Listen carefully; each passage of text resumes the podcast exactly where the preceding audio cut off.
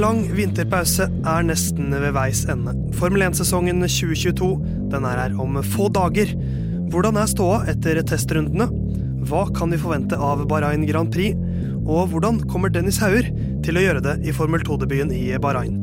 Alt dette forsøker vi å svare på i andre episode av Lyden av Curbs.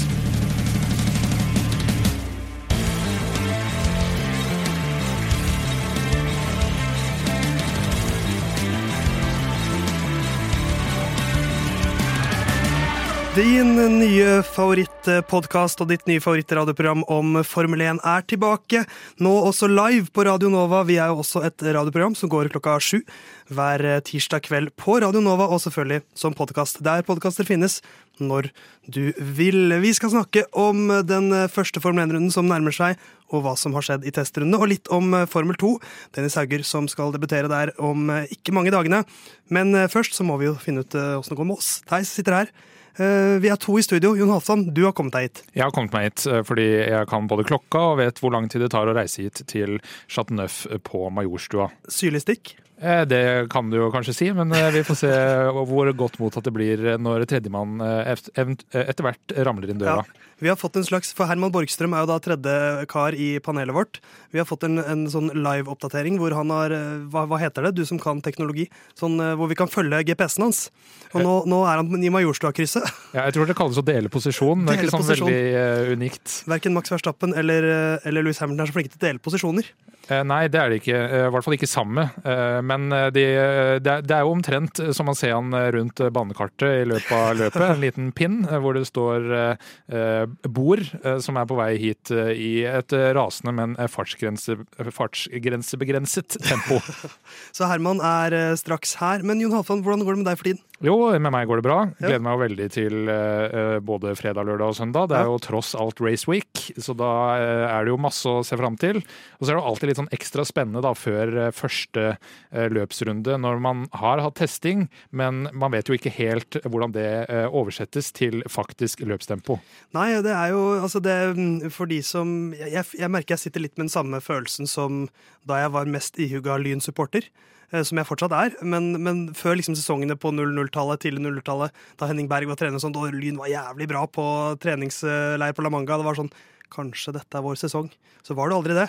Og det er sånn man kan tenke om f.eks. Haas og Williams og alle de lagene som ikke kommer til å vinne. Det er jo også en eh, sovende kjempe da, i eh, Ferrari og med sine fans Tifosi, som eh, nok en gang tenker at kanskje denne sesongen er vår. Men inntrykket er kanskje at de er fortsatt klok av skade, så de er nøkternt optimistiske. optimistiske. Ikke sant. Vi skal jo selvfølgelig snakke mer om, om dette senere, men vi er jo i gang nå med, med både podkast og og eh, live radioprogram. Hvordan, eh, hvordan, er på en måte publiseringsuka vår her, Jonathan? Det ser man jo i podkastappen, men vi begynner med et smell. Ja, vi begynte med, eh, begynte med, et smell eh, allerede i går, eh, hvor første episode kom ut. og Da var det litt om bli kjent med både oss og Formel 1, hvis du ikke kjenner det så godt fra før. Og Vi er jo live nå i dag tirsdag. Denne episoden slippes så raskt vi klarer. Sannsynligvis er den mulig å lytte til allerede i morgen på vei til jobb eller skole. Og Senere i uka kommer det faktisk en tredje episode, hvor vi skal gå gjennom litt hvordan vi plasserer hver fører før hvordan ståa ser ut på slutten av sesongen. Eh, så der har vi jo eh, stilt oss eh, klar til hugg. For det er jo vanskelig å forutsi noe kun basert på ja, testing. Vi, forsøker, vi, forsøker, oss på en slags et offisielt Lyden av Curbs-tips, hvor ikke, jeg tror ikke alle tre er helt enige med, med jeg, kan, jeg kan si at alle tre er ikke enige, Nei. men, men sånn er. Alle er litt misfornøyde. Det er flertall ja. for den lista sånn den ser ut. Så vi har tre episoder den uka før Bahrain. En vanlig uke med lyden av Curbs vil nok være med hovedsakelig én episode, som slippes tirsdag kveld slash klart klar til onsdag morgen. Uh, men så kommer det nok noen bonusepisoder i ny og ne. Ja, jeg kan kanskje se for meg at neste bonusepisode er en liten anmeldelse av Netflix-serien Drive to Survive. For den engasjerer jo mange, også mange her i panelet. De fleste, kan man vel si. Selv, 100 på en eller annen måte? Jeg er nok antageligvis den som kommer til å være mest kritisk når vi kommer til den episoden. Men det betyr ikke at eh, jeg ikke ser det.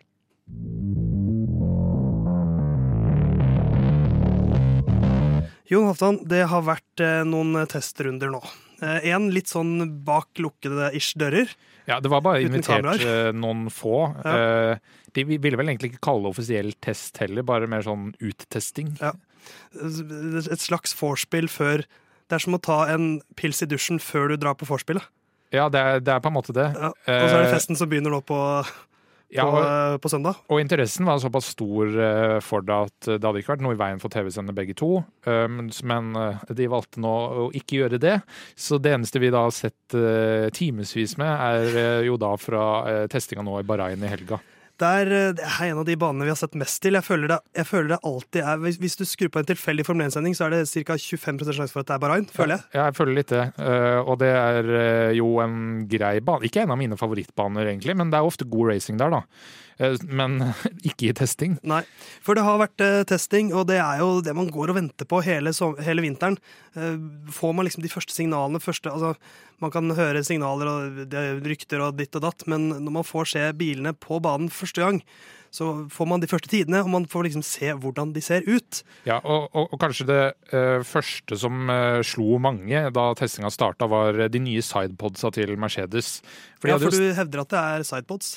Eh, ja, det er jo det man Spørsmålet er hva skal man kalle det? Ja. No pods eh, er kanskje Eller zero pods. Jeg tror jeg liker no pods best. Ja, litt enig. Eh, det er jo da det gikk fra å ha de er litt ganske plain Jane sidepods i Barcelona-testinga, til å komme med ikke noen sidepods i det hele tatt. Veldig imponerende hvor eh, smal eh, bilen var, eh, men det virka kanskje ikke helt til å treffe 100% det man hadde håpet hva gjelder porpoising, da, som er at bilen hopper opp og ned i høy hastighet. Men jeg, jeg synes jo at, for nå er det jo tilbake i sølvfarger, Mercedes. Ja. Og jeg syns jo at kallenavnet Silver Arrows er enda mer passende når bilen er så tynn. Da Ja. ser det mer ut som en pil. Det er det, og bilen er sikkert bra, men jeg syns den er ganske stygg sammenligna med f.eks. Ferrari sin uh, uh, litt dypere rød, uh, veldig fine bil. Ja. Men selv en dritstygg bil kan kjøre fort. Og vi, vi har jo fått noen rundetider. Vi har fått se hvordan bilene på en måte har oppført seg. Eh, Og hvilke, hvilke Skal begynne på bånden? Hvem, hvem har levert svakeste beste tid, da? Hvis vi skal ta det som en slags rangering. Ja, og de er nok kanskje de som har gjort det, det svakest eh, sånn overall uh, uansett. Det er Williams.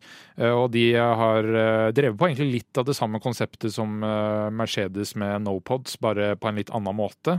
Eh, og de hadde jo ganske famøs da eh, bil eh, plutselig i flammer. Det var eneste bilen som tok fyr under testinga. Som ifølge eh, Team Principle, som er vel Nå husker jeg ikke hva han heter. Eh, eh, Men uansett, eh, det var i hvert fall en, unnskyld, en eh, årsak til eh, eh, brannen som var for dumt å snakke om. Så sannsynligvis noen som har glemt å ta av noen deksler, eller gjort en eller annen prosedyrefeil som eh, førte til brann og ødelagt halvdagen med testing. Dyr feil, men, eh, men ja. eh, Beste rundetid skal man ikke kanskje legge for mye vekt på etter testing, men men den sier jo fortsatt noe, og for Williams sin del så, så så det ikke veldig pent ut. Nei, de gjorde ikke det, og de slet jo også eh, litt med eh, porpoising, de også. eh, og ikke så mange rundetider, og fikk litt ødelagt ting eh, i forbindelse med den brannen, så det var jo veldig eh, dumt. Eh, Det, Team Principle heter for øvrig Jost Capito. Det sånn at det er Høres ut som en Disney-karakter. ja, det gjør egentlig det. Så de ser kanskje litt i trøbbel ut. Det er jo selvfølgelig vanskelig å si, men hvis vi tar neste på lista, da, så er jo det Aston Martin. Ja, og da begynner det plutselig å, Fordi at det gir litt mening på en måte at Williams er der nede, men Aston Martin er nest svakest på beste rundetid. Eh, men men eh, her begynner det å bli ganske jevnt igjen, da. Ja, og er, eh, disse er nok eh, hvis, hvis Williams er en del av bunnfeltet, da, så vil Aston Martin være godt planta i midtfeltet, vil jeg tro. Så får vi se om det er fremre eller bakre eller midtre del av det midtfeltet. Men så, så, eh, den så bra ut eh, på eh, testing, og tidene har ikke så mye å si, for det er ingen som kjører kvalik-oppsett og ingen drivstoff i det hele tatt, og bare kjøre bånn gass. Det, det blir ikke noe Ja. Og så er det jo mye luring her. Ingen har lyst til å vise hele hånda si med, på testing. Nei, absolutt ikke. Og det er jo da på åttendeplass har du også McLaren, og de er jo tippa rundt fjerdeplass, altså fjerde raske bil. Men de har litt problemer med uh, kjøling på bremsene. Det var noen som sa at de hadde sett uh, at det var uh, varmeåpning til varmeåpninga til frontbremsene. Så det tyder på at de har noe driftssikkerhetsproblemer. Så får vi se om de klarer å få løst det før sesongstarten, eller så kan de gå glipp av ganske mange viktige poeng tidlig i sesongen. Ikke sant. Og så er det jo Skal man huske at det, det er jo testing, det her. Og det er jo en grunn til at man kaller det testing. Det, det er jo ikke en konkurranse. Men Nei, det er om å gjøre å finne ut av man skal, man skal bruke det til å finne, finne, feil, og finne ut hvordan kan vi løse disse feilene. Ja. Så kanskje, kanskje, det er det viktigste her. Men så over McLaren så har vi to lag som begynner på A. Ja, det er de to alfaene. Alfa ja. Tauri og Alfa Romeo. Eh, der vil jeg nok si at Alfa Tauri ligger litt foran Alfa Romeo i hvordan de ser ut. Jeg vil nok tro at Alfa Romeo ligger heller nede der i bunnen sammen med Williams, mens eh, Alfa Tauri blir liggende rundt eh, Aston Martin og fighte om å være best of the rest, da, som det heter. Samtidig som at vi jo tror at det kanskje er tross alt fire lag da, som er toppsjiktet denne sesongen. Stemmer det. Og her, idet vi begynner å nærme oss midtsjiktet, så får vi vår tredje deltaker inn i studio. Herman Borgstrøm han kommer smilende og glad inn i studio. Sikkert litt stressa også, men han eh, deiser ned i stolen sin, og da kan du ta på deg headsetet, Herman. Og velkommen ja. til eh, Lyden av Curbs. Jo, takk. Hyggelig at takk, takk. du tar turen, du òg. Ja, det har vært en litt uh, kaotisk dag. Ja.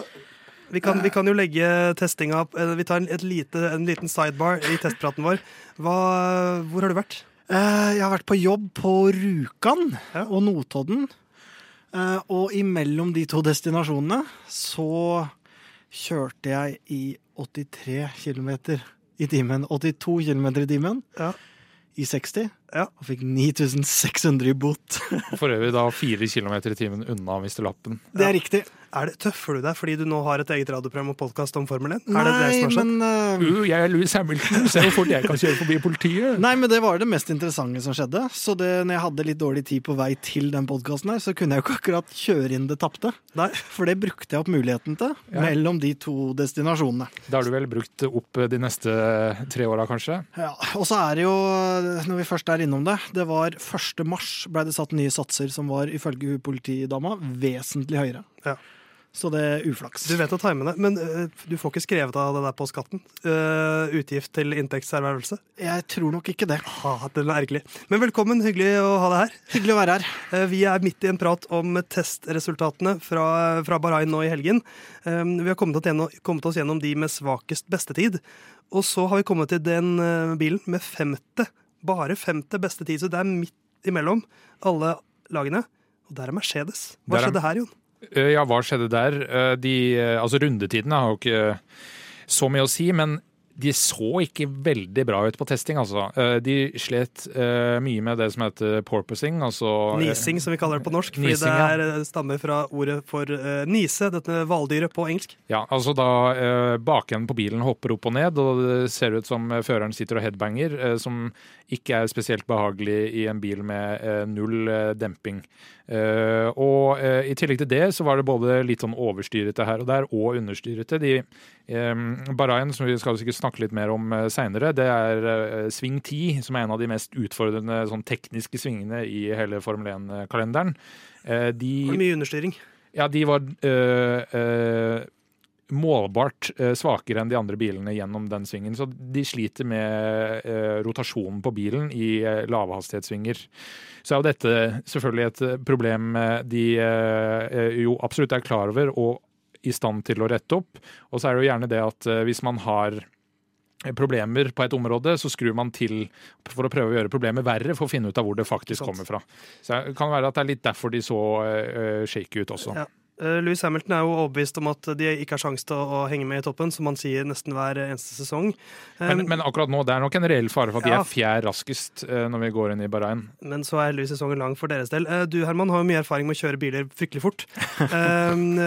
Hvor mye tror du på det Mercedes eh, sier om hvor de står, og hvordan syns du de ser, de ser, ut? Nei, De ser jo ut til å slite voldsomt. Eh, det er den her humpinga, som jeg så folkelig kaller det. Humpetitten. Eh, humpetitten, ja. Og så er det jo selvfølgelig det at, at farta ikke ser ut til å være inne der, men Jeg vet ikke hvor mye man skal legge i intervjuene, men sånn som eh, Russell prøver jo å forklare det kanskje hakket bedre enn det eh, sitatmaskinen Hamilton gjør.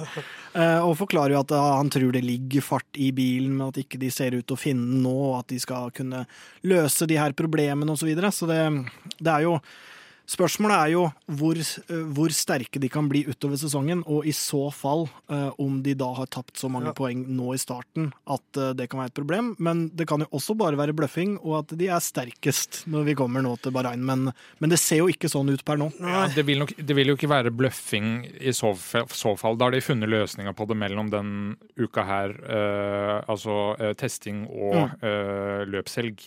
Fordi du sandbagger ikke, som det jo kalles, altså ser ut som du ser dårligere ut, eh, ved å understyre rundt og hoppe Altså, det er null verdi i.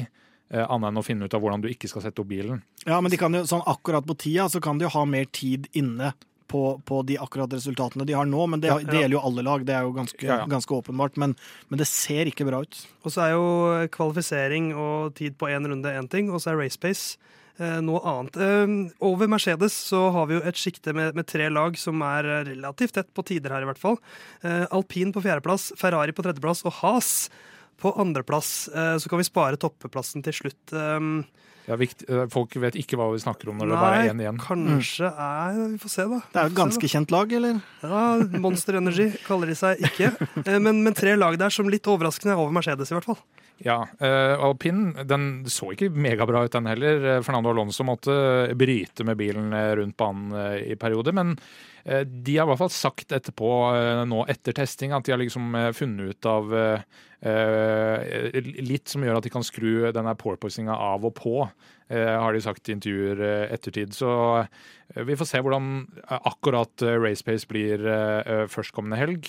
Eh, for mange vil det jo eh, nok eh, starten av sesongen her så vil det skje veldig mye på veldig kort tid, fordi mange kommer til å utvikle bilen mye i løpet av når de lærer den bedre å kjenne og finner ut bedre løsninger. Mm. Så så kanskje ikke alpin og Alonso bra ut, men Ocon var jo med på en sånn bildeserie med, som FN la ut med et moteblad, Stemmer. hvor han så Altså det, han så veldig bra ut, altså. Jeg syns han så skarp ut i, i det der oppkledde antrekket sitt. Så iallfall eh, sekvensene før og etter løp, da kommer og kommer ja, til Ja, der var han smashing, altså. Han har den høyden som eh, sjarmerer mange kvinnehjerter også, så eh, stadig flere. Um, på toppen, Red Bull, ditt favorittlag, Herman. Eller kanskje det laget du helst skulle sett på andre siden.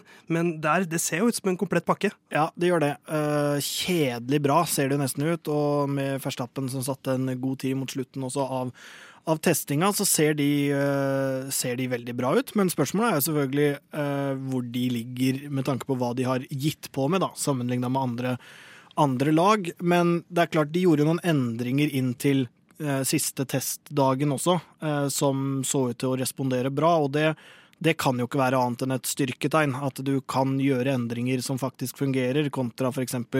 Mercedes, da, som har famla litt i blinde de, under alle testene. Ja, de har jo, eh, Konseptet deres er liksom nærmere det NoPods-konseptet til Mercedes. Eh, så er det jo eh, også Etter den runden til Verstappen så så du smila i garasjen. Eh, som sier egentlig mer enn selve rundetidene. Eh, pluss at det forteller at eh, simuleringa stemmer med overens med det som skjer på banen. Mm. Så man kan ganske sikker på at nye oppgraderinger man kommer med etter hvert, faktisk kommer til å fungere med en gang. Så det er status etter testingen i vinter. Da vet vi sånn halvveis hvor mange av konstruktørene her står. Vi skal straks begynne med å se framover mot Bahrain Grand Prix.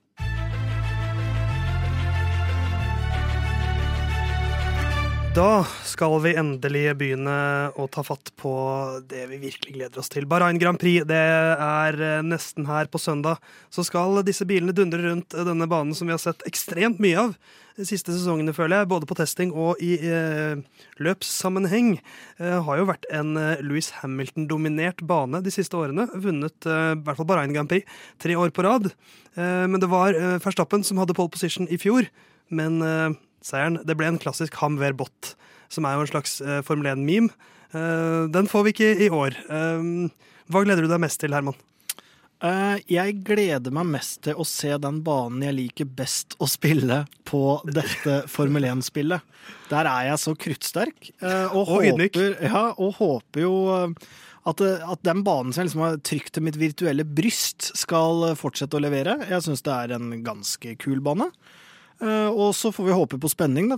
ideelt sett for min del, at noen av de midtfeltlaga utfordrer eh, de såkalte topplaga, de vi pleier å se der, de som vi antar at skal være der. Gjerne has, eller? Has kan gjerne komme ut for min del. Det hadde vært helt toppers. Men Jon, Barain, Bahrain, hva slags eh, karakteristikker skal vi sette til den banen? Eh, altså, eh, Fjorårssesongen eh, der så eh, ble det eh, underveis og etterkant mye snakk om track limits. Stemmer det, det, var, det begynte med en gang, det. Eh, ja, det gjorde ja, det. Det var eh, stewardprat fra uh, dag én til dag slutt. Uh, så det er jo da eh, 15 svinger på banen, og det er jo da sving fire som er etter andre rettstrekning. For banen er liksom fire rettstrekninger med noen svinger imellom hver. hvor um, det var mange, eh, inkludert da Louis Hamilton, som brukte deler av utebanen eh, alene over lang tid. Eh, og det ble etter hvert slått ned på underveis.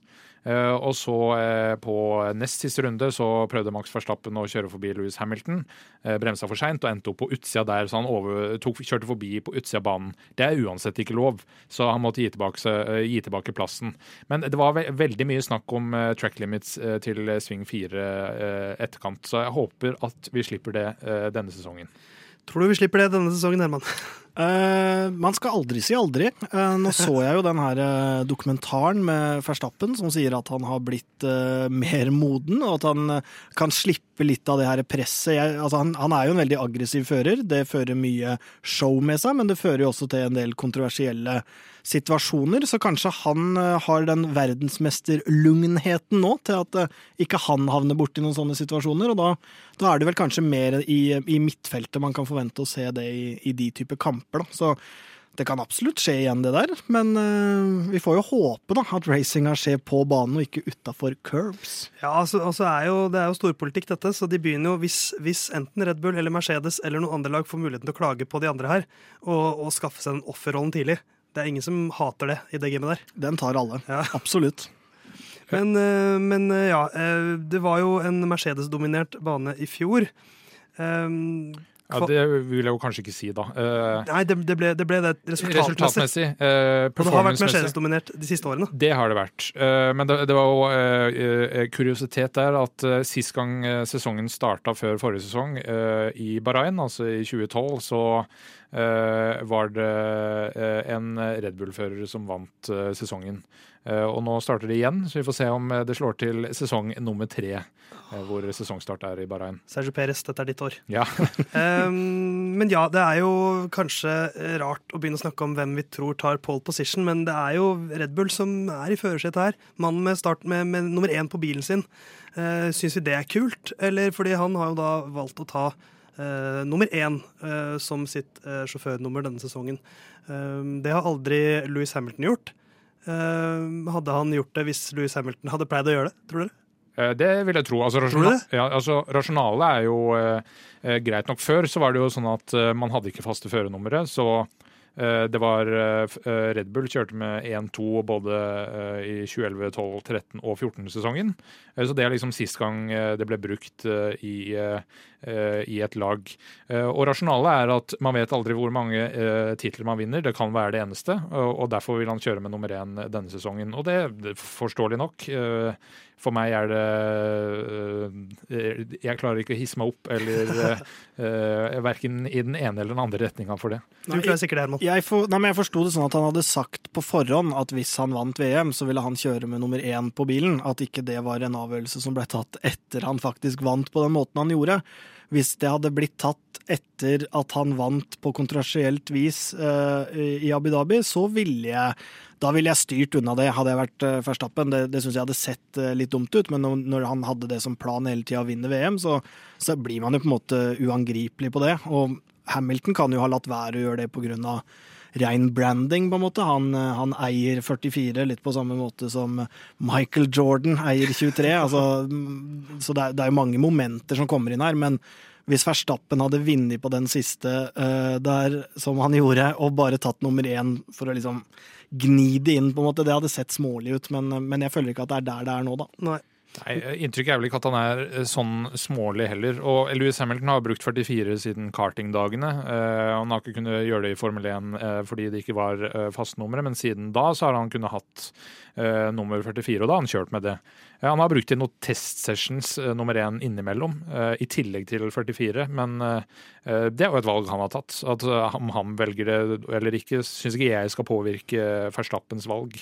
Selvfølgelig ikke. Men vi, jeg syns vi skal fortsette litt mer, mer med Red Bull, um, i og med at det virker som vi alle tre tror at de kanskje Ja, man, eh, man kan jo faktisk man kan tenke seg da, at Ferrari har sett bra ut. Eh, Så er det jo ganske naturlig å tenke seg at Red Bull og Mercedes kommer til å vokse inn i sesongen, begge to. Selv om eh, Red Bull ser bedre ut enn Mercedes nå. Kan jo være muligheten for eh, Ferrari, da. Eller for et av de andre lagene som man spekulerer jo at Has kanskje til og med har Hvis de har enda litt mer å gå på enn det man har sett i, i testing. Det er ikke sånn at jeg tror at, eh, at vi får se Kevin Magnussen vi får ikke se Kevin Magnussen på, på, på pole og som vinner av løpet, det tror jeg ikke. Men, men det kan jo være sånn at vi får noen litt corny resultater nå i starten. Ja. Kan, det kan hende. Eh, Og både Mercedes og Red Bull er eh, gode på det å utvikle bil eh, underveis. Nå har som regel Mercedes har ofte starta litt treigt, men vært bedre likevel. Så de har tatt, gjort unna mye av poenggapet tidlig i sesongen. Så får vi jo da se om de klarer å utvikle og ikke Tidligere så har de jo avslutta utviklinga ganske tidlig, eh, gjerne før sommeren. Eh, Det spørs om de kan det år, det spørs om de kan det i år, hvis de har tenkt å være med å fighte om eh, i konstruktør- eller førermesterskapet. Men jeg har lyst til å stille dere et spørsmål om um, um, hva skal man si, maktstrukturen i Red Bull. For hvor bevisst tror dere de er Hva, hva tror dere de tenker nå? Tenker de konstruktørmesterskapet? Hvis de havner i en situasjon der de Der Verstappen har høyere pace, men Perez har uh, track position, um, har Perez en sjanse her til å liksom utfordre fra start? Jeg føler jo vi må ta litt Det er jo litt sånn Bottas-Hamilton-følelse i det laget nå. Én ref, eh, mester og en som har vært ganske klar nummer to. Ja, altså, historisk sett så uh, tror jeg ikke at de kommer til å ofre uh, Verstappen for Peres sine vegne. Men nei, nei, for det, det spørsmålet ditt er mer Kommer de til å ofre Peres med en gang hvis de får muligheten, eller gir de han en sjanse? Det, jeg tror nok de har lyst til å prøve å holde konstruktørmesterskapet levende så lenge som mulig, men eh, i eh, glansdagene fra 2010 til 2013 så eh, var det jo Sebastian Vettel eh, som var liksom hovedsjåføren der. Og da tok de jo en Ga han en ny vinge i Monaco sånn at, for å forsikre om at han, han vant. Så det er jo historikk for å ofre lagkameraten. Har du, har du, hva tror du om Peres sine sjanser på, på søndag? Jeg tror eh, han er sjanseløs, jeg. Ja. Eh, Til å vinne, eller til å Nei, til å vinne, og jeg tror han kommer til å bli ofra. Og, og jeg, hvis, jeg, hvis jeg skulle tenkt som uh, en eh, teamleder sjøl, da. Ja. Hvis du vet at Din indre Chris Horner. Ja, hvis du vet Han, jeg vil ikke inn der.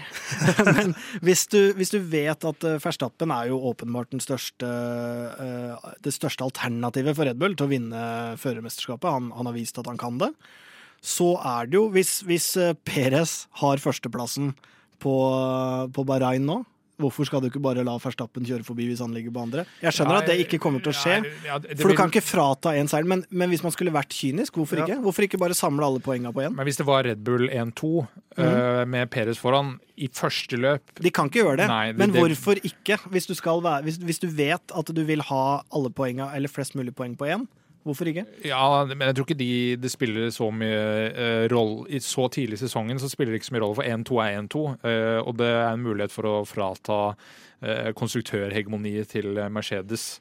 Eh, men aldersmessig og sånn talentmessig så er det jo Fettel og Mark Webber som det var da, og Verstappen og Peres nå, ganske likt. Så eh, Men Mark Webber var nok litt mer oppe og nikke sånn eh, enn det Peres har vært, eh, fordi de kvalifiserte også ofte 1-2. Så hvis de klarer det igjen, så eh, bidrar iallfall Peres mer med en ny kontrakt, da. Ja. Men jeg tror han blir ofra. Vi får eh, se. Harde, harde bud for Peres her. En annen eh, førerdebatt vi må ta, det er Hamilton-Russell-debatten. Den skal vi ta om få strakser.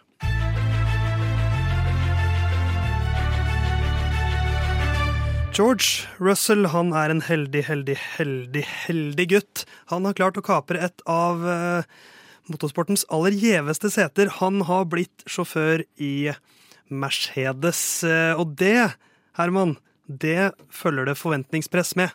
Det gjør det absolutt. Uh, man må jo nesten kunne forvente at han leverer bedre enn Bottas, ser man totalt sett. Bottas var jo en veldig lojal hjelper. Eh, man ser jo i hvert fall sånn som i Drive to Survive da, at han, han, nebber litt mot en del avgjørelser i starten. Det føler jeg ikke at han gjorde sesongen som var. Han, han innså vel kanskje at han, eh, at han, hadde en sånn soleklar rolle eh, som, som nummer to. Eh, så Russell må jo man nesten forvente at, eh, at leverer bedre enn det, men jeg tror ikke han er henta inn som en trussel for Hamilton per nå. Nei. Eller Hamilton, da, som jeg er på vei Men Hamilton, han eh, Altså, det er jo ikke Russell sin første dans med en Mercedes-bil. Han kjørte jo Sakir Grand Prix, Grand Prix faktisk. ja, nå er vi i gang. Grand 3,14 for de som tar den. Uh, I 2020 uh, da var det Walter Botta som tok pole, men vi husker jo at uh, det ble veldig hektisk, en hektisk aften for Russell, som så ut til å kunne vinne det løpet ganske greit. Og så fucka Mercedes opp i pit, og så endte han vel var det, Tok han poeng? Tiendeplass? Åttendeplass? Niendeplass? Noe sånt? Det ble noe sånn syvende og åttende. Ja. Men altså, Mercedes hadde jo eh, Når de først mister huet, som ja. jo skjer innimellom, eh, så klarer de ikke finne det heller. De ble nummer åtte og ni. Bottas åtte og uh, Russell ni med raskeste runde, da. Ja, for da var det både punktering og sette på miksa dekksett og alt ja. mulig, så de, de, klarer virkelig å rote det til når de først begynner å rote. Men det vi så fra George Russell der, det var jo ganske imponerende, gitt at han ble kasta litt inn i det i en bil som ikke var skreddersydd eh, for han, eh, med han utstyr omtrent, som ikke var hans. Ja, Han hadde jo omtrent tærne stikkende på utsida av skoa fordi han måtte få plass ja. i det fotbrønnen. Og det er eh, Han er jo litt sånn golden boy. De snakker ekstremt mye om han i den britiske dekningen av Formel 1.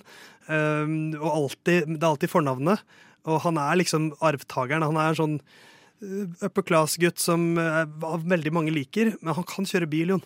Ja, absolutt. Og han eh, viste jo eh, bl.a. på spa denne sesongen eh, med i perfekte forhold, og perfekte forberedelser til en P2-runde i kvalifiseringa i Belgia, og også da i regn. Så han kan absolutt kjøre, og det han viste i Sakir Grand Prix mot Bottas, viste at han var rimelig uredd eh, og eh, hadde relativt spektakulære forbikjøring på Bottas, så satte han litt på plass. Så hvordan han nå faktisk gjør det, opp mot Hamilton, blir jo veldig interessant. Om han er henta inn som en erstatter for Hamilton eller ikke, det er han jo en framtidig erstatter. Og her er det jo også at vi må låse noen ned i kontrakt, så ikke noen andre får de. Ja.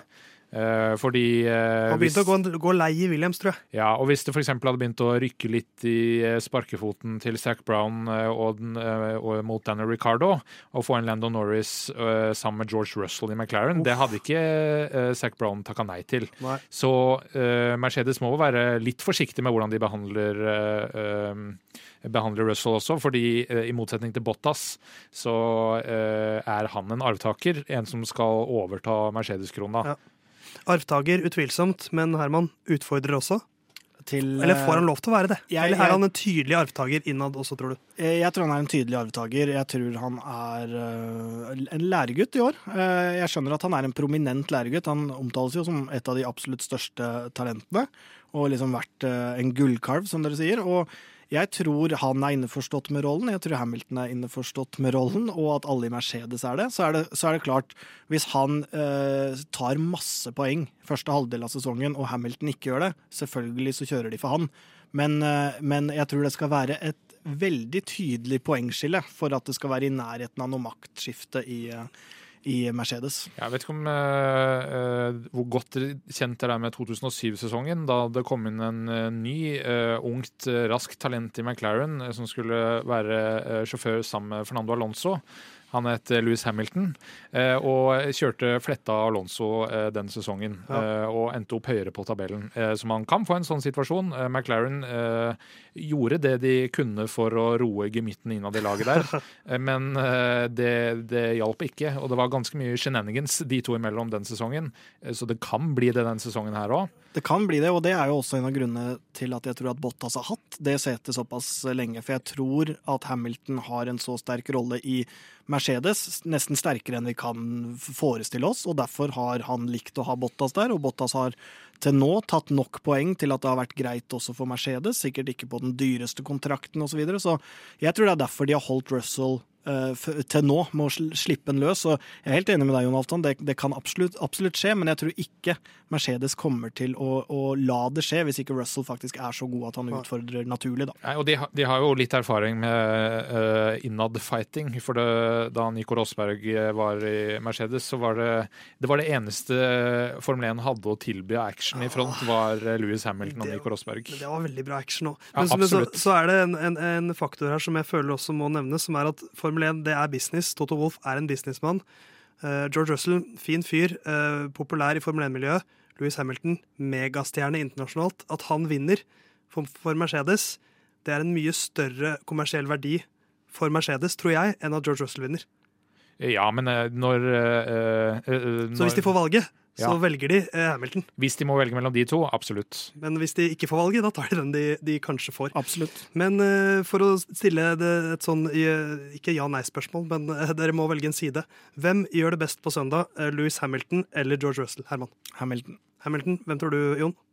Eh, da svarer jeg Russell, for å være interessant. Da sier jeg at det er vi som blir vinneren, for vi får en fin duell. Eh, det er eh, Mercedes-praten gjort. Andre lag vi vil trekke fram. Ferrari syns jeg vi må nevne. Charles Clair og Carlos Sainz, en veldig potent duo. Og en bil som har sett bra ut. The Italian Stallion, er den tilbake, Jon? Det kan jo se sånn ut. Det er jo en del usikre momenter der. Eh, testing tatt i betraktning. Men eh, det er også noen rykter om at de kjørte på litt mindre fuel eh, under, eller drivstoff da, under testinga enn det de andre laga gjorde. Og om det gjør at de kanskje ikke har fått testa bilen så godt med mye vekt, Vanskelig å si, men uh, uansett så er det to ekstremt gode førere der uh, i uh, Ferrari. Eh, altså på nivå Jeg vil si samme nivå som Russell, et hakk under eh, Hamilton og Verstappen. Begge to, Carlos Sainz og eh, Charles Leclerc. Og det kan gjerne være to, tre, tre, fire, den åpningsløpet. Hvis Mercedes er faktisk så dårlig i starten som man kan tro. Noen håper. Men det er liksom vanskelig, vanskelig å si hvordan det ender opp til slutt. Kanskje Carlos Heinz også er den som går seirende ut, eh, tror jeg. Hva med deg, Herman? Ja, nei, det, er, det, er, veldig interessant å se. Og sånn som Leclerc, da, som har karrieremessig vært litt foran sånn som Russell. Så skal de kanskje kjøre i ganske like biler, sånn, ikke nødvendigvis hvordan de opptrer, men på, på, hva de kan hente ut av de nå i starten.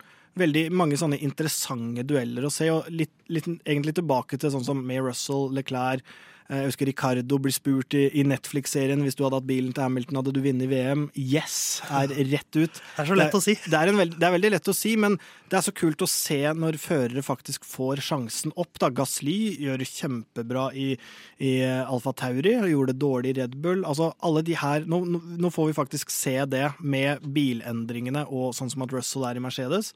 Og, og, sånn som jeg som er vant til å se fotball, da. Hvis du ser en være sinnssykt god i Martin Ødegaard var i Eliteserien, så tenker du med en gang han kan gjøre det bedre på et annet nivå, og så får du se det med en gang.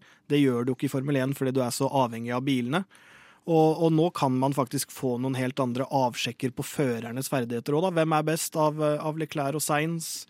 Det er, det er, så mange dueller nå som blir interessante. Veldig mange kule mm, duoer. Eh, så må vi ikke glemme for Leclerc sin del, han har jo gjort det sabla bra eh, i Bahrain tidligere. Det var vel i 2019 da han eh, cruisa i teten, og det så ut til å bli en ganske grei Ferrari-seier.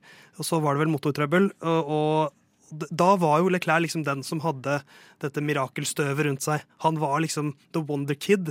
Og nå føler jeg at han har litt å revansjere her. For det har mm. vært litt sånn litt grått de siste årene, i, i takt med at Ferrari-fargen har blitt mer grå enn rød. Ja, eller litt mørkere, da, iallfall. Men uh, Ja, Da er det jo interessant å se, for han har jo da kjørt i uh, det som da het Sauber, nå Alfa Romeo tidligere, og gikk rett over i uh, Ferrari med ganske lang kontrakt. Uh, og kjørte jo sånn sett ifra Fettel også i første sesong i Ferrari. Men Science har jo bytta biler flere ganger og gjort det ganske bra på, i hver nye bil. At han kanskje har et litt sånn større naturlig biltalent, altså at han klarer å tilpasse en ny bil raskere enn Leclerc, kan jo kanskje vise seg nå i starten med nye biler. Nå har de jo selvfølgelig fått brukt de litt uh, allerede under testing, men det å utløse fulle potensialet vil jo variere hvor mye tid det tar per fører. Og så Et litt aspekt hos eh, Ferrari. Sainz og Leclerc virker som eh, gode kompiser. Eh, kjapt eh, til slutt her, Herman, før vi går videre et nivå ned til eh, Formel 2. Eh, noen andre vi bør snakke bitte litt om? Jeg føler jo uansett at snakkisen må være litt på, på Kevin Magnussen. Det er Ai, ass, At han ja, kan bli sånn fjerde-femteplass? Nei, men altså bare det at han er tilbake, da. Altså hvordan At han kom tilbake. Det, det er jo helt til, så mye tilfeldigheter som har falt ned og får han tilbake til Formel 1. Det ble jo ofte sagt at eh, alle har to uh, favorittsjåfører. Det er sin sjåfør pluss Kimi Raikkonen. Eh, kan Kevin Magnussen komme litt inn som nye Kimi Raikkonen i Formel 1? Ja, det kan godt være. Så, så jeg tenker at det er utrolig interessant å følge med på han. Og jeg syns jo, sånn som når vi snakker om Has, da, at Mick Schumacher eh, var jo han var vesentlig bedre enn Mazepin i fjor eh, på, på, mange baner. Men han, han, leverte ikke noe voldsomt. En helt elendig bil, ja, men det var ikke sånn at han, han gjorde ikke narr av Mazepin på alle baner. Og veldig lite press på seg også når han ikke hadde, han hadde en annen rookie. Det var ikke noe benchmark. Nå mm. måles han mot den som har vært på podiet før ja, så, i Formel 1. Så det gjør jo hele Has-laget mer interessant å følge, da. Jeg vet ikke om jeg husker, eh, jeg husker ikke hvilket hvilket løp det var eh, da uh, Schumacher kjørte ut og tok vinga og uh, det var mye Kanskje det var i Imola. Uansett, da, race engineer da er noe av det mest sånn der Ja, det går bra, ah, ta det, med ro. Bare, nå, bare, bare, ta det rolig nå, kom inn, vi fikser ny vinge, og så er du ute på veien igjen. Uh, I motsetning til kanskje hvordan det var på andre sida av garasjen der en periode, for da var det jo tidvis krig mellom race engineer og Mazepin. men det er jo en uh, mye mer rutinert fører han nå skal måles opp mot i Kevin Magnussen, som jo har vært utafor uh, Formel 1 uh, ett år. Ja, det, var, det, er vel det. Ja. Mm. Så det blir jo da litt sånn interessant å se de to opp mot hverandre nå, og da kan man jo, som du nevner, få målt Schumacher litt sånn mot hel ved, mm. som kanskje ikke Maspin var Formel 1-messig. Så det er eh, Da tror jeg vi legger Bahrain eh, Grand Prix for eh, de aller, aller raskeste litt på is. Også. Vi kan vel kanskje nevne litt tider. Eh, det for det starter jo klokka ett på fredag med første trening. Klokka fem er trening to. klokka ett på lørdag er trening tre. Kvalik klokka fire på lørdag og løp klokka fire på søndag. Eh, så hvis man kun skal sette av eh, tre timer i løpet av helga, så er det klokka fire på lørdag og klokka fire på søndag.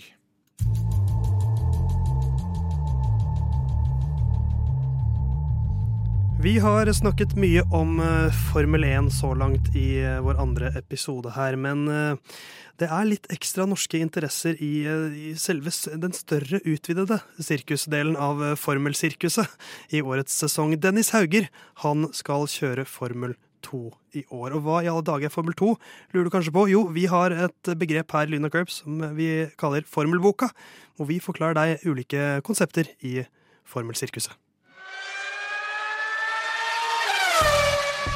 Formel 2 er det nest øverste trinnet på stigen til det internasjonale motorsportforbundet, kjent som FIA. Om du skal nå gjennom sportens aller trangeste nåløye, så bør du prestere i Formel 2-serien. Flere av verdens største talenter, der mange har vunnet serier lenger nedover på stigen, kjører Formel 2 hver eneste sesong. Og de fleste av de yngre Formel 1-førerne i dag har kommet inn i varmen etter store prestasjoner i Formel 2. F.eks. vant Charles Clair Formel 2 suverent i 2017. Like suveren var George Russell året etter, og briten vant da foran Alexander Albon og Landon Norris. I 2020 var det Mick Schumacher sin tur, med bl.a. Yuki Sunoda på tredjeplass. I fjor så sto det australske supertalentet Oscar Piastri på toppen, men eh, Penga rår jo fremdeles i ganske stor grad i Formel 1, så han fikk dessverre ikke noe sete i Formel 1 til 2022. Det gjorde dog Guanyu Shu, som ble nummer tre i fjorårets Formel 2-sesong. Forskjellen mellom bilene i Formel 2 er svært, svært liten. Alle kjører på samme chassis, med samme motor og med samme type dekk. Forskjellen mellom lagene blir dermed langt mindre enn i toppdivisjonene. Her er det i større grad ferdighetene som avgjør. Kremen stiger til toppen og slurpes ofte opp av Formel 1-lagene. Men ikke alltid. Årets sesong er langt mer parallell med Formel 3, som er det tredje steget, enn den var i fjor. I 2022 så skal det kjøres totalt 26 Formel 2-løp fordelt på 13 helger. Sesongen den starter denne helgen i Bahrain og avsluttes samtidig som Formel 1-mesterskapet 20.11. på Jazz Marina i Abu Dhabi. Hvordan ser da en løpshelg ut i Formel 2? Jo, fredag så er det 45 minutter trening, fulgt av en halvtimes lang kvalifisering. Det er da to poeng til føreren som vinner kvalifiseringen. Lørdag følger et sprintløp der de ti beste fra kvalifiseringen blir snudd på hodet. Det vil altså si at tiendeplass fra kvalifiseringen får første startspor i sprintløpet på lørdag, mens føreren som var raskest i kvalifiseringen, starter i tiende posisjon. Så er det ti poeng til vinneren, og så fordeles poengene nedover til de åtte beste. På søndag så kommer hovedløpet for Formel 2-helgen. Det fungerer da som et slags oppvarmingsløp til Formel 1. Her starter de i kvalifiseringsrekkefølgen fra fredagen, og det er 25 poeng til vinneren. I Formel 2 så får man også, som i Formel 1, poeng for raskeste runde. Det får man i både sprint og hovedløpet på søndag. Og så er det kanskje det aller viktigste spørsmålet. Hvorfor prater vi i Lyden av Curbs om Formel 2 litt ekstra i år? Det er rett og slett fordi en nordmann skal kjøre Formel 2 for aller første gang. Aldri har en norsk fører vært nærmere Formel 1.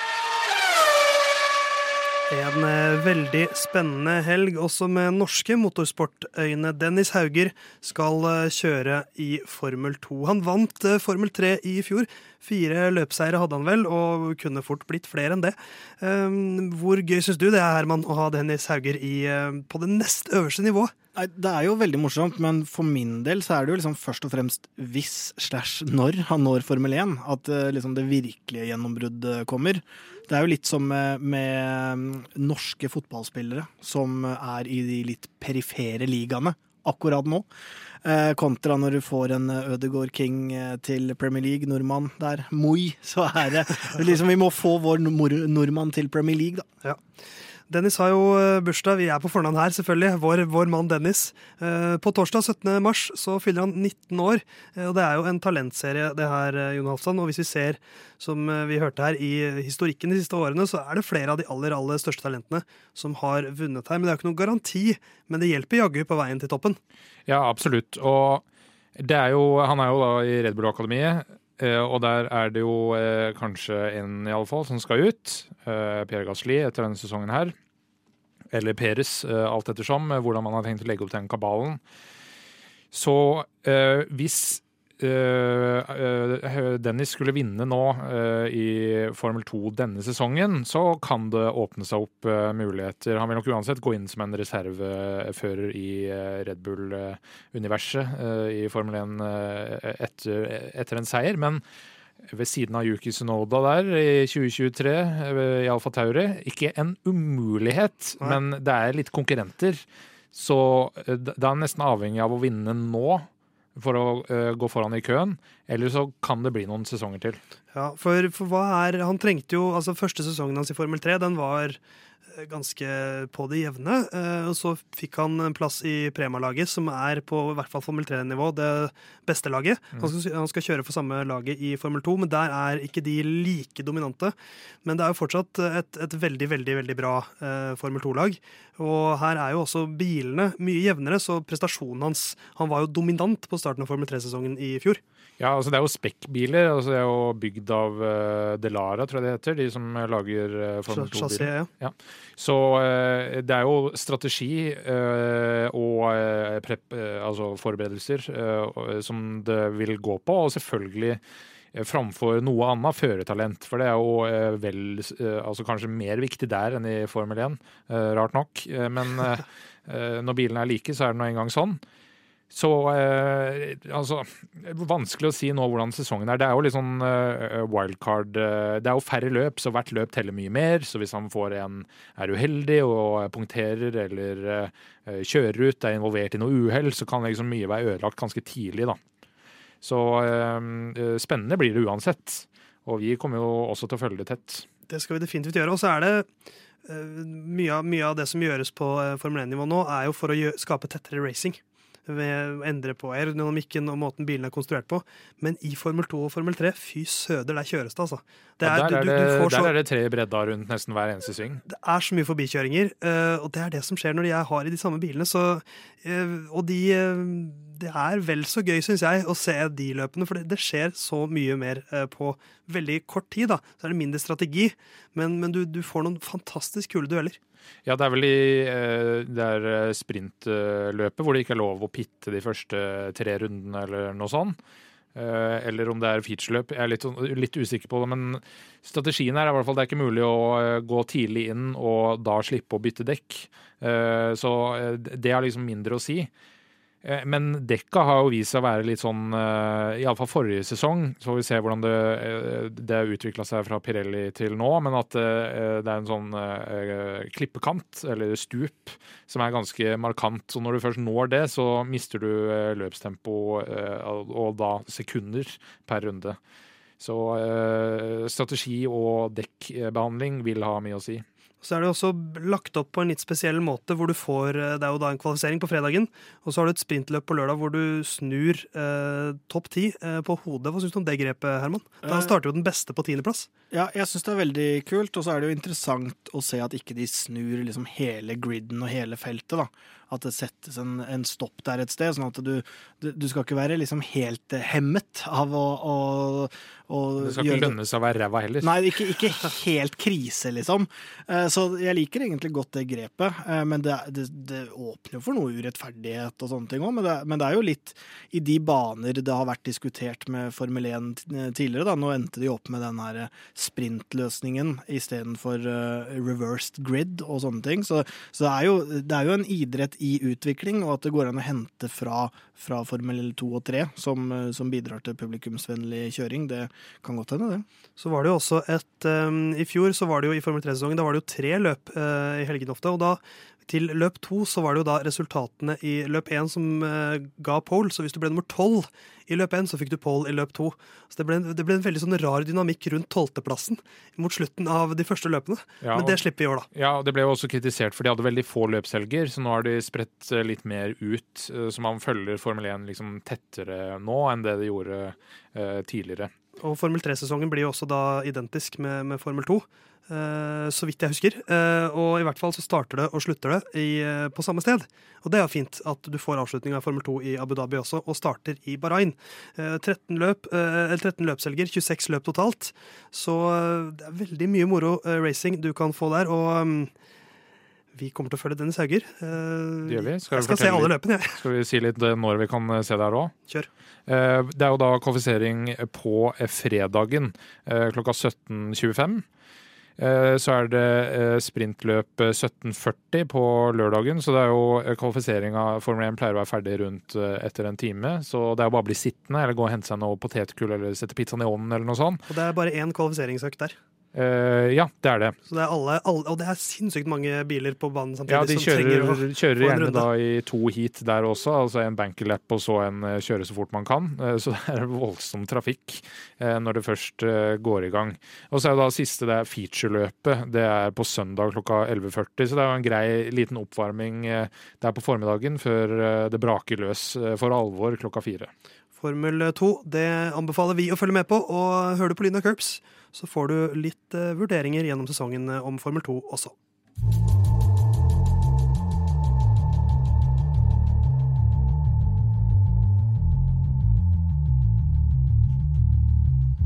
Nå har vi prata mye om eh, det som eh, ligger foran oss, men jeg syns jo også at vi skal mimre litt tilbake på Formel 1-sesongen 2021, for det var litt av en sesong. Og jeg har med meg to ekstremt kompetente Formel 1-stemmer i studio. Jon Halvdan, du er fortsatt med oss. Ja, absolutt. Eh, Og Herman, du er fortsatt med oss. Jeg har kommet og blitt. Ja, det er sterkt. Jeg har rett og slett en liten quiz til dere, hvor jeg ser for meg at dere to for en gangs skyld skal jobbe sammen. For jeg tenker at det har dere godt av, som en slags Ja, det teambuilding-øvelse kan jeg mellom være dere enig i. to. Ja, det tror jeg ikke kommer til å funke, men vi kan jo Eh, prøve. Vi, vi prøver. Jeg har fire spørsmål uh, slash uh, nøtter som dere skal knekke. Uh, som alle handler om ting som skjedde i fjorårets sesong. Eh, første spørsmål.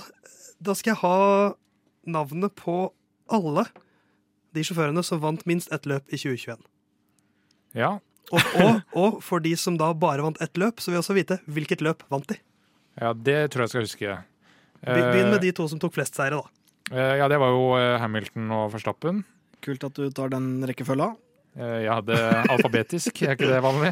Verstappen vant ti løp, eh, Louis Hamilton vant åtte løp, og da er det fire løp igjen å vinne. Ja, og så tok eh, Ocon, han vant i Ungarn. Ja, Ricardo. Han vant i Oh, Italia. Italia, ja.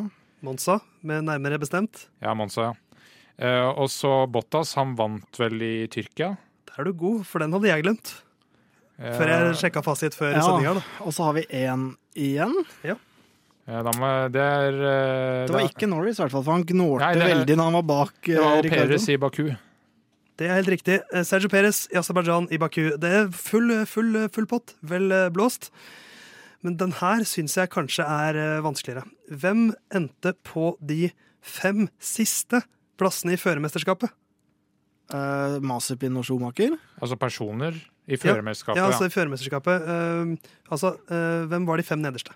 Masipin og Schumacher. Eh, nei, det er en eh, før der, fordi vi hadde jo inn, hadde vi ikke inn en reserve der. Eh, Ah, var det var, liksom, var Fittipaldi? Eh, ja, var det han, kjørte han Eller blander jeg kanskje med sesongen før? Hulkenberg var ikke i fjor, i hvert fall. Det hadde jeg huska. Det var året før. Og Fittipaldi kjørte også sesongen før. Nei, det var kanskje bare 20 førere den eh, sesongen her. Jeg ser mot, jeg ser mot med, med sensor. Nei, nei, nei, nei. Kimi Raikon han hadde jo covid eh, Nei, det må ha vært på slutten av forrige sesong. Jeg, jeg, jeg merker at jeg ikke husker så godt. Men hvem var inne da? Var det Fittipaldi? Jeg tror det var Fittipaldi for Has. Ja. Men det, var, det tror jeg var i Sakir eh, sammen med eh, Russell. Eller om det var løpshelga før der. Jeg koser meg veldig med denne samtalen. Ja. Ja. Men OK, hvis vi bare tar eh, ba, eh, eh, Vi tar utgangspunkt i at det bare var 20 sjåfører. forrige. Det er i hvert fall Mikk og, Mikk og Nikita. Ja, i motsatt rekkefølge, tror jeg. Ja, det kan nok fort være. Og så er det Hvem, hvem andre? Uh, Latifi? Tok han Jeg tror Joven ja, Latifi Ja, for det var noen Williams-førere der òg. Latifi tok han eh, Var det noen sånn der eh, Det var jo noen, noen kaosløp. Russland var jo ett av de. Ja. Uh, Ungarn var ett av de. Om Latifi endte opp uh, typ Han, er sånn han kan ha snike seg opp der, vet du. Og det er, det er mange løp uh, i løpet av en Ja. sesong. Og Vi skulle ha de fem, De fem nederste. Ok, men da, jeg, Nå går jeg bare for det. Ja. Jeg sier eh, Nikita og Mick, og så sier jeg Givinazzi. Og så sier jeg uh, Latifi og Raikan. Latifi, og så sier jeg Fittipaldi. Det er jaggu ikke langt unna. Jeg tar det, For det var 21 sjåfører Ja, det var i fjor. Eh, 17.-plass eh, Nicolas Latifi. Han tok syv poeng. Han ble nummer sju i Ungarn og nummer ni i Belgia. På plassen under 18.-plass Antonio Giovinazzi. Han ble nummer ti i Monaco og nummer ni i Saudi-Arabia. Tre poeng. Null poeng på Mick Schumacher, men han hadde en tolvteplass, så på countback så tok han den. Mm. Så var det veldig jevnt mellom 20. og 21.-plassen. De hadde begge to en 14.-plass. Men eh, han som ble nummer 20, hadde 15.-plass, og han som ble nummer 21, nemlig Nikita Maspin, hadde en 17.-plass som nest beste. Robert Kubica Ja. ble Ah, nummer 20 med stemmer en 14. og 15.-plass. Han var inne i Alfa Romeo som erstatter for uh, Raikkonen. Um, Ja, Så der vant jeg! Ja, Men det er jo, jeg syns det var så traust når Kubica kom inn til det. Jeg har glemt altså, Enorm historie som han, eh, som han har eh, Men det var på. ikke Hulk. Nei, men det var ikke Hulkenberg og ikke sånn unggutt som Ikke fikk har jeg sett han så mye på Drive to Survive. Altså. Så er det, Nå, så er det nå, han som kommer inn. dere skal være venner nå, gutter. Eh, og dere får muligheten til å bli venner igjen med neste spørsmål, som er litt enklere å svare på. Louis. Eh, du, gå for svaret. Du låser svaret. Nei. Én sjåfør ble disket i løpet av sesongen. Hvem og hvorfor? Eh, Det var Sebastian Fettel for ikke nok drivstoff igjen på tanken Mm. Og hvor var det? i Ungarn. Da han kom i mål som andre på Ja. andreplass. Så hvem rykka opp, til- til andreplass? Louis Hamilton. Louis Hamilton. flaks. et spørsmål til. Hvor mange sjåfører, bortsett fra Mercedes og Red Bull, hadde minst én pole position? I hvert fall Hvor mange sjåfører, var det du sa? Ja. Ja, altså Vi har i hvert fall Norris. Jeg, jeg vil gjerne ha navnet på dem nå, da. Leclerc. Norris og Leclerc. Ja, den uh, Det er, det, er, det er de to, det. Men Ja. hvilke baner? Er, Hvis Monaco, dere får de, da er jeg imponert. Monaco på Leclerc. Ja, Norris i Russland. Men Leclerc hadde to. Han hadde to, han, ja. Eh, Da må jeg tenke litt hvor det er vi har vært. Ja, Starta han på position ett løp til, altså? Han gjorde det. Første eller andre halvdel av sesongen. Han hadde to poles etter hverandre. Han Eh. slo Louis Hamilton med to tideler. Eh, I Q3. Hverandre. Ja, I Baku? Det er riktig. Ja. det husker Fordi- jeg ikke i det hele tatt. Jo, for det var, da, det var jo en forferdelig Q3 eh, der også, fordi uh, Yuki Sinoda gikk i hvert fall i veggen én gang. Og så var det Det var vel to eller tre rødflagg i den Q3-session der. Det var et veldig spesielt løp, det, og det, det var jo der denne break magic-hendelsen også til Louis Hamilton var, da det ble, ble en ristart. Og break tire-magicen Ja, til eh, Aston Martin og Red Bull. Så Perez, Fettel og Gasly kom da i mål først foran, uh, foran Leclerc på selve løpet. Men uh, jeg syns Altså, jeg er så imponert. Jeg, jeg, trodde, jeg trodde dere skulle være mye lenger unna, spesielt den med de fem nederste. Der var dere gode, selv om Kubica røyk. Det var det jeg håpet litt. Ja. Der bidro jeg faktisk litt òg. Jon Halvdan dro oss på de andre, men at, uh, der, der hadde jeg liksom litt å komme med. Ja, ja. Du, eh, du kan mye, du også, Taperne, Herman. Taperne kan jeg. Vi skal eh, komme med noen spådommer, og så takker vi for oss.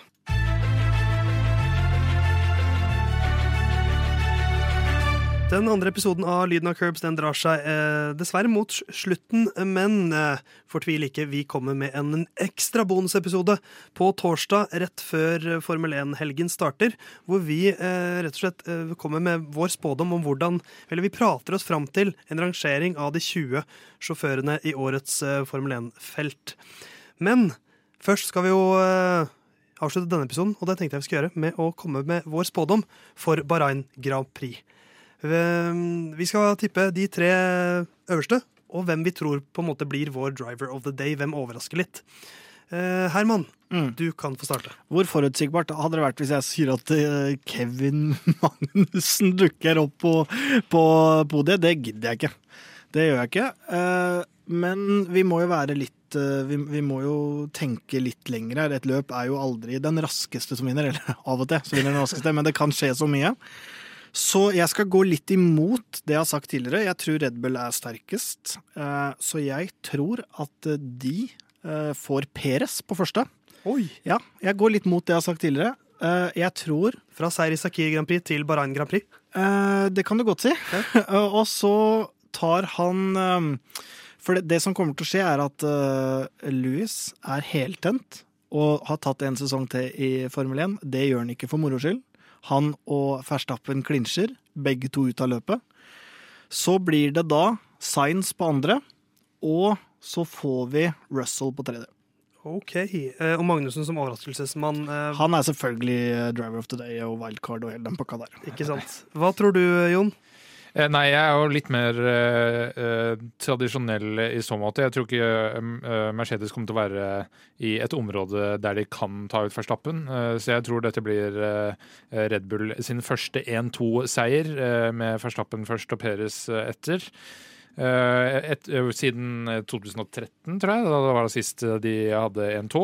Etterfulgt av sistemann i toppsjiktet fra Red Bull-akademiet, nemlig Carlos Sainz jr. Eh, og jeg må jo si at jeg er litt enig med Herman her når det gjelder wildcard. Eh, Kevin Magnussen sitt aller best, beste løp Beste. Beste løp. Det var uh, sesongdebuten, uh, eller faktisk karrieredebuten for McLaren i 2014 i Australia, da han tok tredjeplass. Og dette er hans uh, redebut for Has og i Formel 1, så uh, kanskje en fjerdeplass. I hvert fall lenger opp enn der han kvalifiserte. Det er eh, foreløpig da Verstappen, Perez Sainz og Perez Sainz Russell. Jeg har gått for Verstappen som vinner, jeg også, men jeg tror vi ser to italienske hester på plassene bak. I rekkefølgen Sainz jr. og så uh, Charles Leclerc. Jeg tror ikke han får seieren denne gangen heller, men jeg tror Ferrari starter knallbra. Og så har jeg skrevet Lando Norris på Driver of the Day. Jeg tror han kommer til å drite seg litt ut i kvaliken. Så kjører han et heidundrende løp og blir topp fem. Det er, eh, det er mitt tips. Så da har vi dobbelt Verstappen og Perez, så vårt budskap er vel da at Red Bull vinner på søndag. Um, og det var den andre episoden av Lyden av Curbs. Er, er vi spente på søndagen, Herman? Eh, veldig spent på søndagen. Jeg har jo invitert dere begge en stående invitasjon til å se det hos meg. Eh, den står seg enda.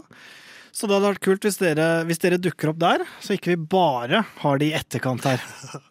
og du Jon, du stiller, du? Kanskje? Uh, ja, jeg har eh, lagt noen eh, premisser for å stille, men så det er, det er, ikke usannsynlig at i forbindelse med andre ting at det også blir til å måtte se det hjemme. Men det får vi jo se hva, hva, jeg ender opp med.